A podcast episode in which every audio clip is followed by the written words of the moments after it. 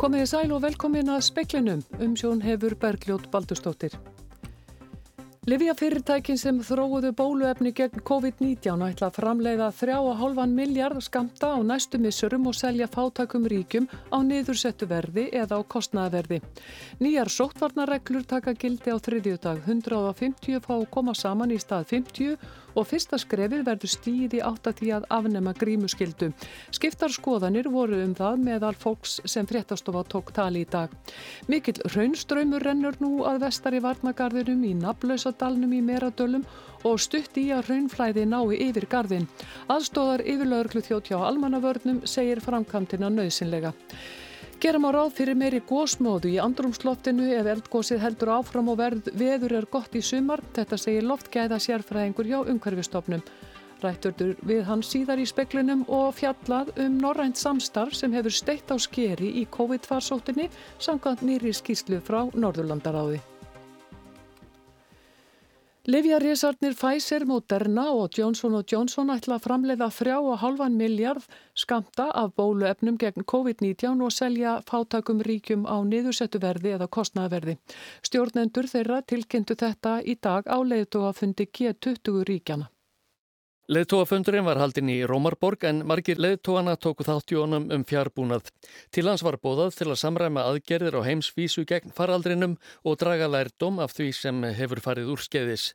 Á fundinum tilkynnti Albert Borla, forstjóri Pfizer, að fyrirtæki hans ætlaði að leggja til 2 miljardar bóluefnaskamta á næsta einu og halva ári, þar af miljard í ár. Stefan Bansjál, forstjóri Moderna, tilkynnti um alltaf 90 miljónir skamta á þessu ári og 900 á því næsta. Því er þið dreft gegnum COVAX samstarfið sem á að sjá hinnum efnaminni þjóðum heimsins fyrir bóluefni. Pól Stoffels var að fórstjóri Johnson Johnson og yfirmaður vísindarstarfs fyrirtækisins bóðaði 200 miljónir skamta á þessu ári og hugsanlega 300 miljónir árið 2022. Úrsela von der Leyen, fórseti framkvamda stjórnar Evropasambandris tilkynnti á fundinum að sambandið ætlaði að leggja 100 miljónir bóluefnaskamta til samstarfsins. Nokkrar þjóðir til viðbótar taka þátt í átækinu. Angela Merkel, kanslari Þískalands, tilkynnti til dæmis undir fundarlokum 30 miljónir skamta sem á að dreifa til þróunaríkja fyrir áslokk og norðmenn ætlaði að reyða fram 5 miljónir. Ásgeir Tómasson sæði frá. Heilbreyðisráð þeirra kynnti nýjar sótvarnareglur sem taka gildi á þriðjudag. 150 fá að koma saman í stað 50. Líkamsrækt á stöðvar og sundlegar geta aftur tekið upp starfsemi án takmarkana og þá verður veitinga og skemmtistöðum leift að taka á móti gestum til klukkan 11. Einning verður fyrst að skrefi stíði áttaði að afnema grímuskildu en hún verður þá frekar undantekningin heldur en regla. Yngvar Þór Björnsson, fréttamaður, ræti við fólk á förnum vegi um þessi tíðindi. Nú stendur til að afnema grímuskildu að hluta. Hvað þykir um það? Ég er svolítið hrættu það. Við veistum að fara svolítið svona rætt í aflýttingar. Heldur og heldur áfram að nota grímuna eftir þriðu daginn? Ég verði alveg öruglega svona meðan einhver stað við hendur allavega. Ég myndi vilja síður að við myndum sleppa grímum svona snemma. Og, og, og hvers vegna það? Já, öryggisins vegna bara. Ég held að það sé mikið öryggi fólki þegar við séum með hérna grímu og það eru einhver smitt í samfélaginu og svona þannig að hérna mér liði betur. Mér hlakka mjög til, mjög ekki til. Ég held að það sé allir orðinir nokkuð þreyttir á þessu en þetta hefur samt náttúrulega gert sitt gagn. Þeir sem eru búin að vera bólusettir, kannski alltaf læg fyrir þá að hafa ekki grímuna. Náttúrulega þeir sem eru ekki ennþá búin að vera bólusettir og það er fint að halda að vera með grímuna þá, skiljur. Og þetta var Sölvi Fanna Ragnarsson en áður heyrðist í Vilborgu Helgadóttur, Ragnhildi Konráðsdóttur, Katrínu Ólafsdóttur og Drífu Þrastadóttur. Hraunbreiðan við naflösa dalin í Meradölum er nú orðunum 7 metra há og tæpur metri í að hraunflæði nái yfir varnagarðana. Í tilkynningu frá almannavörnum segir að framkvæmdir við varnagarðana hafi gengið vel, sá vestari sér tilbúin og nú sjöunnið að því að hækka eistrigarðin upp í 8 metra. Þar segir einnig að ráðist hafi verið í þetta verkefni til að öðlast þekkingu á því hvort varnagarðar geti komið að gagni við að stöðva eða hæja á hraunflæði. Rákaldur Ólafsson, aðstóðar yfirlörglu þjótt hjá almannavörnum, segir að varnagarðar sem þessir virki til að stöðva eða hafa áhrif á hraunflæði en það þurfa að koma að, komast að því hvaða hönnun virki best, sérstaklega ef eldgósið standi lengi. Við erum að reyna að kaupa okkur tíma þarna. Við erum að vita hversu lengi þessi hérna, eh, atbyrðar sem er standa. Ef þetta hættir á morgun þá er þetta ekki vandamál en ef þetta heldur áfram í einhverja vikur, mánuð eða ári í viðbót munum þetta náttúrulega fyrir að síðan nániður á Suðustrandaveg. Hátt í 30% Íslendinga eru nú full bólusettur og mismunandi er eftir landslutum hvaða árgöngum hefur verið bóðin bólusetning. Framkvæmdastjóri Hjúgrunar hjá heilsugjæslu höfuborgarsvæðisins segir að handahófskend bólusetning hefjist í næstu viku. Nú hafum 164.000 Íslandingar fengið að minnstakosti eitt skamta koronaviru bóluefni eða um 55%. Um 85.500 eru full bólusettir eða um 28%. Bólusett verður í öllum heilbreyðsundamum í næstu viku. Á höfuborgarsvæðinu verður bólusett á miðugudag og fymtudag að saka Ragnhjóðar Óskar Erlendstóttur frænkvöndastöra hjúgrunnar hjá helsugjastlu höfuborgarsvæðisins en hún var gestur síðdeis út af sinns á Rás 2 í dag. Ragnhjóður segir að mismunandi sé eftir landslutum hvaða aldurshópum hafi bóðist bólusetning.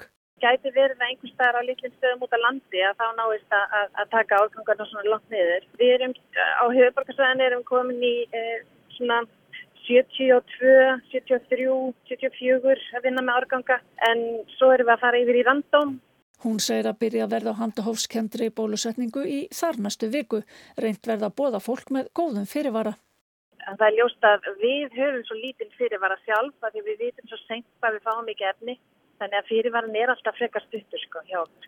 Mm. Svo e, ferða þessi mætingu hvers dags og þá erum við alltaf að klára efnið og þá lendar sumir í því að vera bóðaði samdags.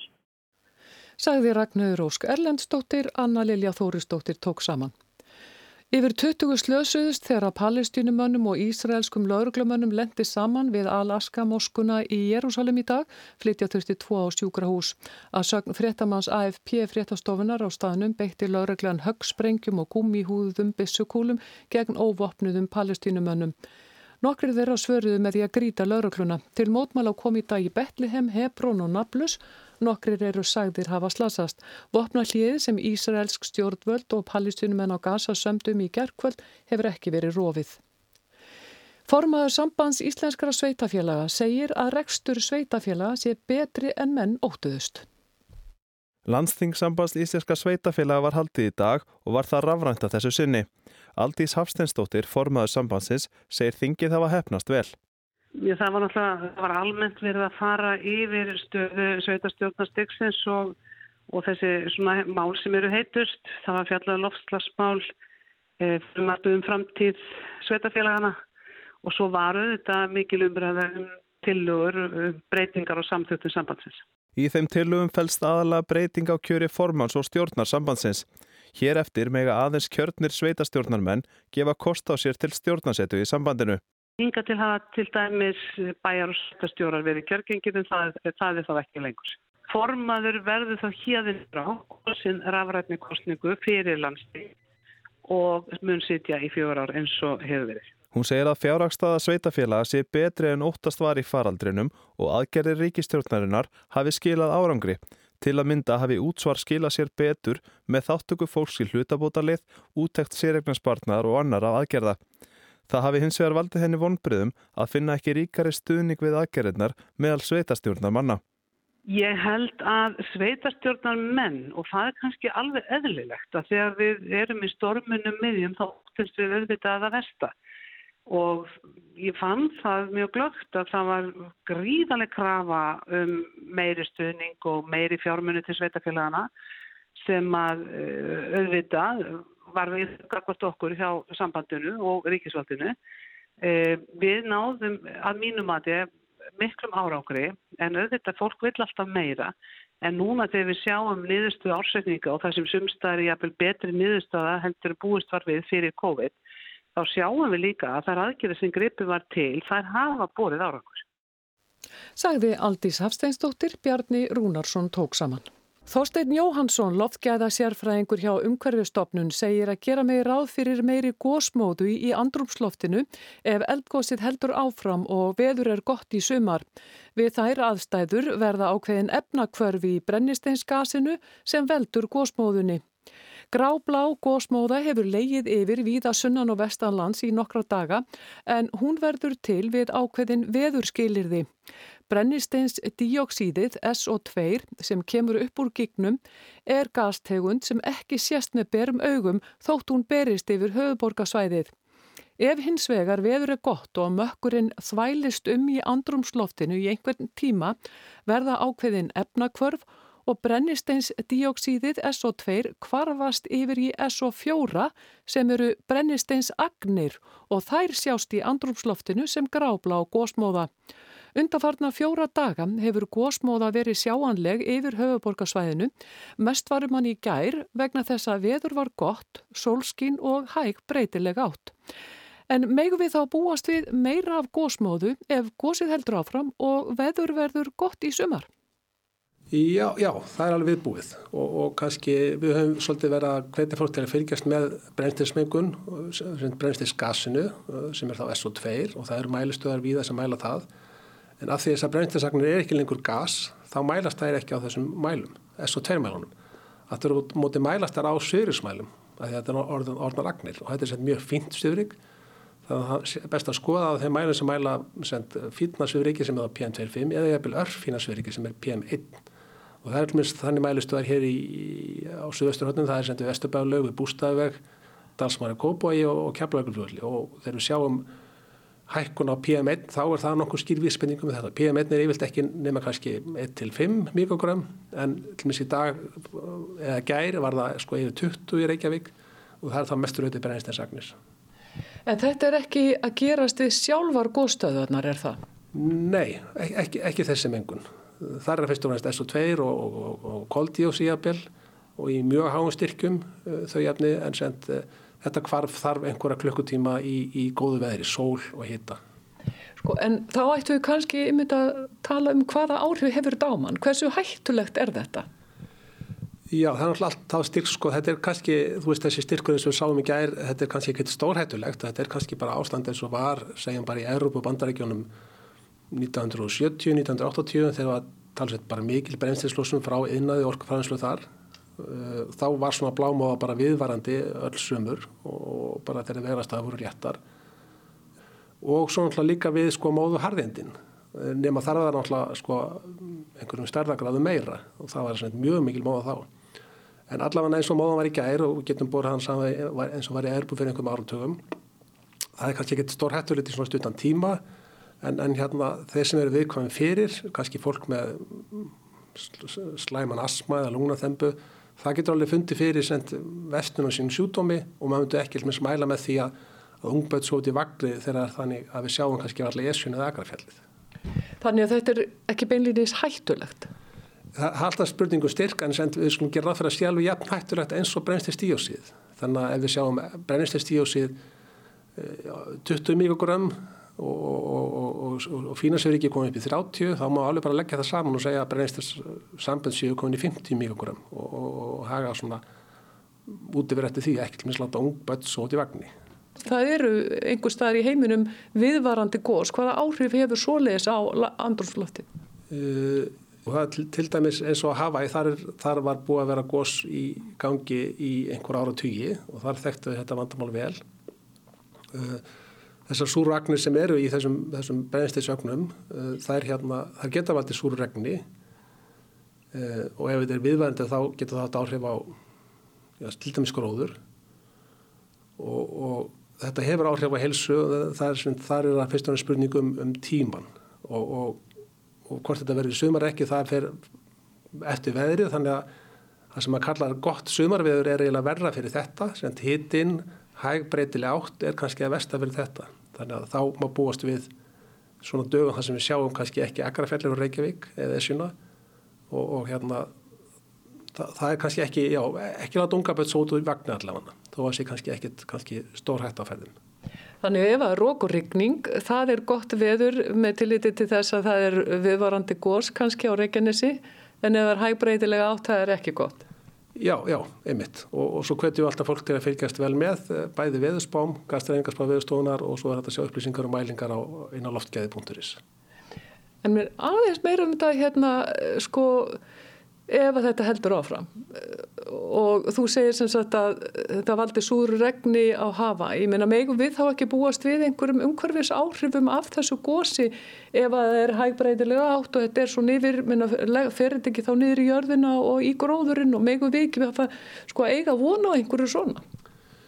Uh, Það er eftir að segja að það er alveg hugsanlegt. Uh, við erum samt betur sett hérna á Íslandi hvað var það súrt regn að því leita að send bergrunin er basískur þannig að hann hlutleysir súra regni betur uh, og flest okkar vassból eru þannig að það er sendt grunnvatn og, og, og sendt jarðvöðurinn frá, frá vassbólun upp til yfirbós er það góður böffer þannig að við höfum í raun ekki miklar áhugjur af vassbólunum sem slíkum en það er hugsanlegt að þetta hafa áhrif á viðkvæma gróður. Sagði Þorstein Jóhansson.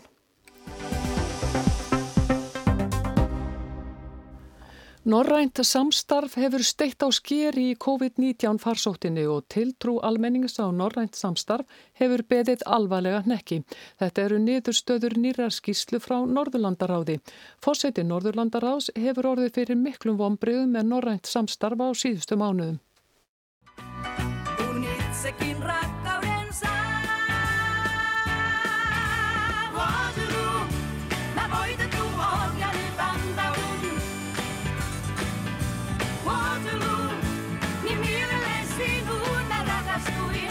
Frjálst flæði fólks, frelsið til að ferðast á milli ríkja Norðurlanda án þess að þurfa að framvísa vegabrifi, einn sameinlegur atvirumarkaður, frelsið til að sækja sér mentun hvar sem er á Norðurlöndum. Þetta eru nokkrir af hornsteinum Norræns samstarfs sem rekja má meira en hálfa öld aftur í tíman. Og markið hefur verið sett enn hærra. Norræna ráðhörunemdin hefur sett það markmið að innan tíu ára verði Norðurlönd samþættasta eða einsleitasta svæði veraldar. Unnið hefur verið að því markvist á liðnum árum að eigða eða draga á röllu því sem kallað er stjórnsýsluhindranir en það eru kerfislegar tálmanir sem koma í vekk fyrir að ríkisborgarar á Norðurlöndum geti búið, starfað og lifað hvar sem er án hindrana eða erfiðleika. COVID-19 farsótin hefur hins vegar sínt og sannað með skýrum hætti að það er enn langt í land og þegar sverfur að þá eru menn fljótir að skrúa fyrir samstarf og samráð Hver er sjálfum sér næstur verða gömul og ný sannindi. Þetta má greina í niðurstöðum nýrar skýslu sem Norðurlandaráð hefur nýverið gefið út, þar sem rýnd er í áhrif COVID-19 farsóttarinnar og aðgerðir stjórnvalda í einstökum ríkjum Norðurlanda. Aðgerðir sem oft og einatt var ráðist í á nokkurar hliðsjónar eða tillits til þess hvaða nágrannaríkin aðhöfðust, hvað þá samráðs. Í skýslunni er sjónum beint sérstaklega tveimur svæðum sem kalla má landamærasvæði. Það er að segja nálagsvæði eða héröð við landamæri tveggja ríkja sem að jafnaði eiga náið samstarf og þar sem mikill samgangur er á milli borgara ríkjana. Innst í Botníuflóa í Eistrasalti eru bæirnir Tornio sem er í Finnlandi og Haparanda í Svíþjóð. Bæirnir eru nánast samvaksnir og venjulega fara bæjarbúar hindrunalust þar á milli yfir einhverja þeirra mörgu brúa sem liggja yfir fljótið Tornelfi.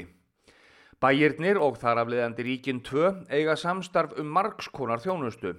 Fólki sem þarna býr á ástvinni begja vegna landamæra, það verslar, vinnur og nemur begja vegna og margir eiga heimilu öðrum megin og sumarhús hinnum megin. Íkea er til að mynda í Haparanda, sundlaugin er í Tornio og svona mætti lengi telja. Í huga fólks eru engin landamæri þarna. Á því urðu skarpar breytingar einn góðan veðurdag eftir að farsótun hófst þegar finnar ákváðu að loka landamærunum.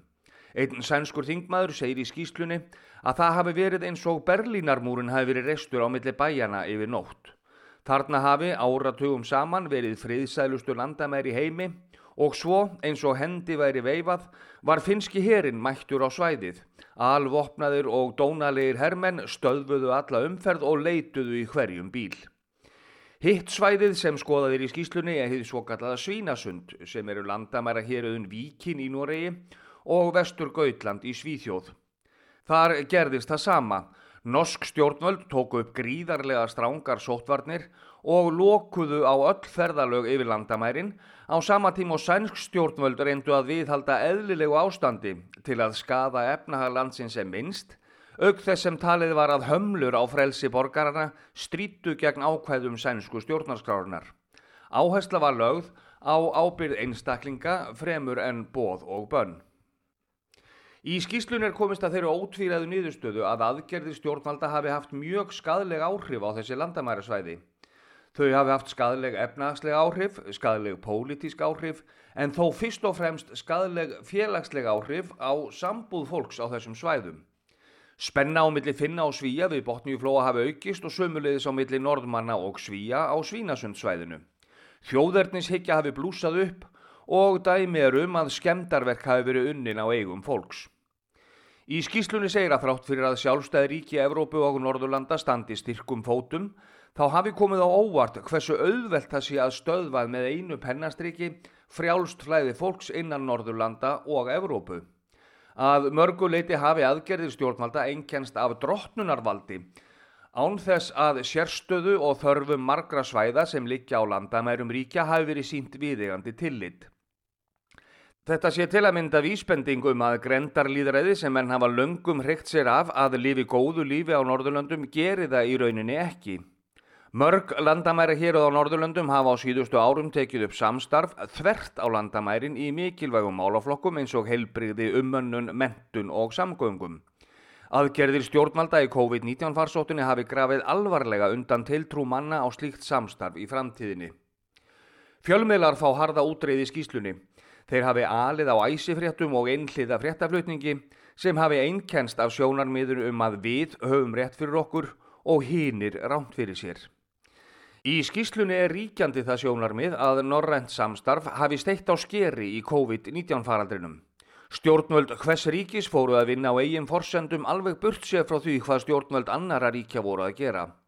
Það drægi verulega úr trúmanna á þá stefnu norrænur áþæranemdarinnar að árið 2030 verði Norðurlöndin orðin samþættasta svæði veraldar. Einn viðmælandi orðaði þetta svo, um leið og erfiðleikar stedja að, þá verðum við þjóðörni sinnar.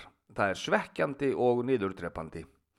Skísluhöfundar segja að í stað þess að nýta styrkleika hins norræna samstarfs og allar þær norrænu stopnarnir sem ætlaði sé að samþætta, samræma og ebla norrænt samstarf og samfélag norrætna þjóða, þá hafi ráðamenn snúið baki við þessum samstarfsvettvangi og um leið hurfu þeir frá eigin framtíðar sinn um að verða samþættasta svæði í heimi innan tíu ára.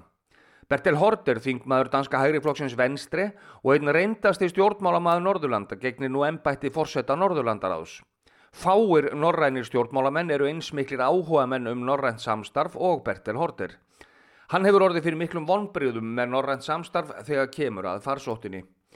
Í nýlegu viðtali við Kristilega dagblæði sagði hann að margt hefði farið úrskeiðis í farsóttinni og að eitt af hans mikilvægustu verkefnum sem fórseti Norðurlandaráðs verði að snúa þessari þróun við þannig að sambúðu Norðurlanda búa batni í stað þess að stjórnvöld séu einat að bregða fæti fyrir námsmenn, ferðamenn, vinnandi fólk, kaupsíslumenn og aðra þá sem vilja njóta góðs að þeirri miklu samþættingu og samvinnu á milli norrænu ríkjana sem ætið hafi verið stemt að.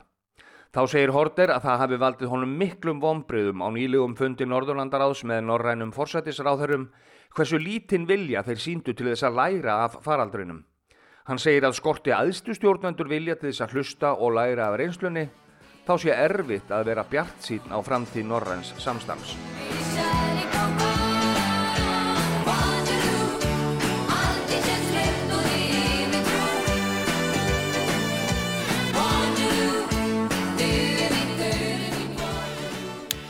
Jóhann Líðar Harðarsson tók saman.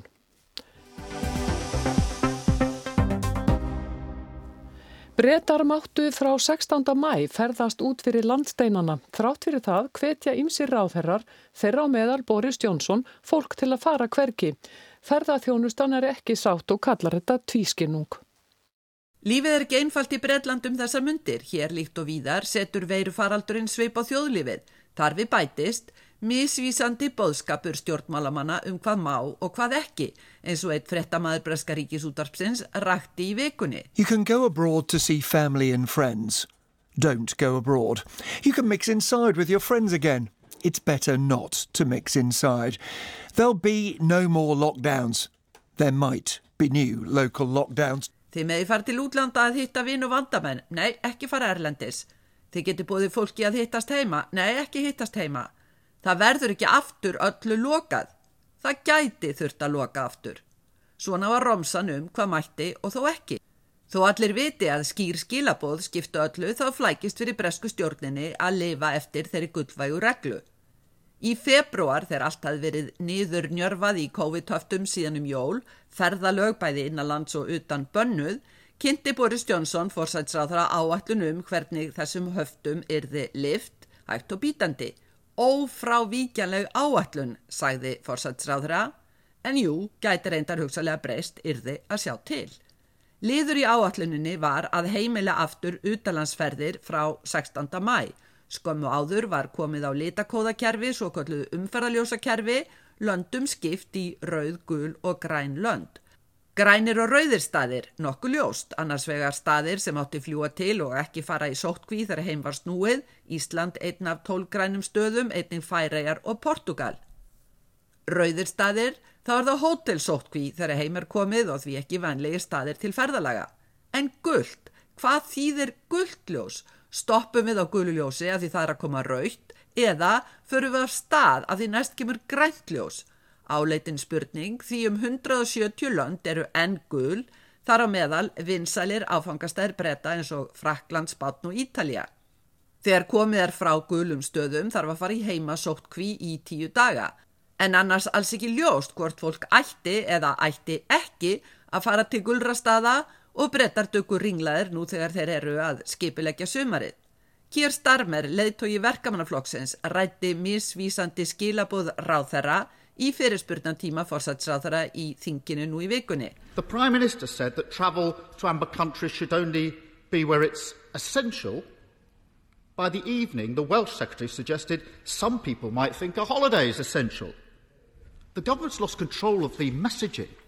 Forsætsráþur að sæði að fólk gætti aðeins að fara til gulra landa af brítni nöðsin að kvöldi sæði ráþur að Wales að sumt fólk gæti litið á sumafrí sem nöðsin. Ríkistjórnin hefði algjörlega með stjórn á bóðskapnum, sæði Starmer. Boris Johnson forsætsráþara kannast ekki við að neitt veri óljóst alveg klárt að enginn ætti að ferðast til gulra landa nema bráðri nöðsin, til dæmis vegna veikinda náins ættingja ekki bara til að fara í frí. And it is very, very clear, Mr Speaker, you should not be going to an amber list country except for some extreme circumstance such as the, the serious illness of a, of a family member. You should not be going to an amber list country on holiday. Aðteklinn beinist líka að einu rauðurlandi, Indlandi, þaðan sem slæmt COVID-afbreyði hefur borist. Það hafi verið áhyggjur yfir að indverska afbreyðið væri bæði bráðsmitandi og eins að bóluefni býtu hugsalekki sem best á það. Þessi umræða hefur beint aðtiklina að því að þó lokað hafi verið á flug frá nákvæmlandum eins og Pakistan hefur ekki verið gripið til sömu ráðstafana gegn Indlandi. Óljóst af hverju, en ímser telja það pólitíska ákverðun vegna viðskiptahagsmuna. Nú bendir því sver allt til að indverska afbreyði sé ekki en skætt og tali var. Í vikunni lísti Matt Hancock heilbreyðsráðara því yfir að stjórnin væri æsanfarðari um að bóluefnið virkaði vel gegn indverska afbreyðinu. Áallun stjórnarinnar væri því svo rétta að nota vörnina sem fæst með bólusetningu til að losa um samskiptahamlur. Have increasing confidence that the vaccines are effective against it. That means that our strategy is the right one to carefully replace the restrictions on freedom with the protection from the vaccine. En aftur að gululöndunum. Frá ferðarþjónustunni til dæmis forstjórum stóru flugfélagana og forstjórum flugvalla heyrast hávarar kvartanir yfir óskýrum skilabóðum stjórnarinnar. Reyndar sífælt umkvartunarefni frá því COVID fór fyrst að stinga sér niður hér í Breitlandi. Það varðar lifibrauð miljónabretta hvað hérlendir gera í sumafrínu hvort þeir halda sig heima, þó kannski ekki bara innan hús, eða ferðast til annara landa. Sigrún Davísdóttir sæði frá. Veðurhorfur, norrlæg eða breytilega átt, 3-10 metrar á sekund og víða létt skíjað en skíjað og skúrir eða jél um landið austanvert. Norðaustan og austan 5-13 á morgun. Slitta eða rigning með köplum norðaustan og austanlands, annars stöku skúrir. Hiti 1-11 steg yfir daginn, mildast suðvestan til en allvíða nætur frost. Og það var helst í speiklunum að livja fyrirtækin sem þróuðu bóluefni gegn COVID-19 ætla framleiða 3,5 miljard skamta á á næstu missurum og selja fátækum ríkjum á niðursettu verði eða kostnaverði. Nýjar sóttvarnareglur taka gild á þriðju dag, 150 fá koma saman í stað 50 og fyrsta skrefið verður tekið í átt að afnema grímuskyldu. Og mikill hraunströmmur rennur nú að vestar í varnagarðinum í Nablösadalnum í Meradölum og stött í að hraunflæði ná yfir garðin. Og gera má ráð fyrir meiri gósmóði í andrumsloftinu, veldgósi heldur áfram og veður verður gott í sumar, segir lofslags sérfræðingur hjá umhverfistofnun. Fleira er ekki speklinum í kvöld. Tæknimaður í útsendingu var Kolbeitt Sofíusson, verði sæl.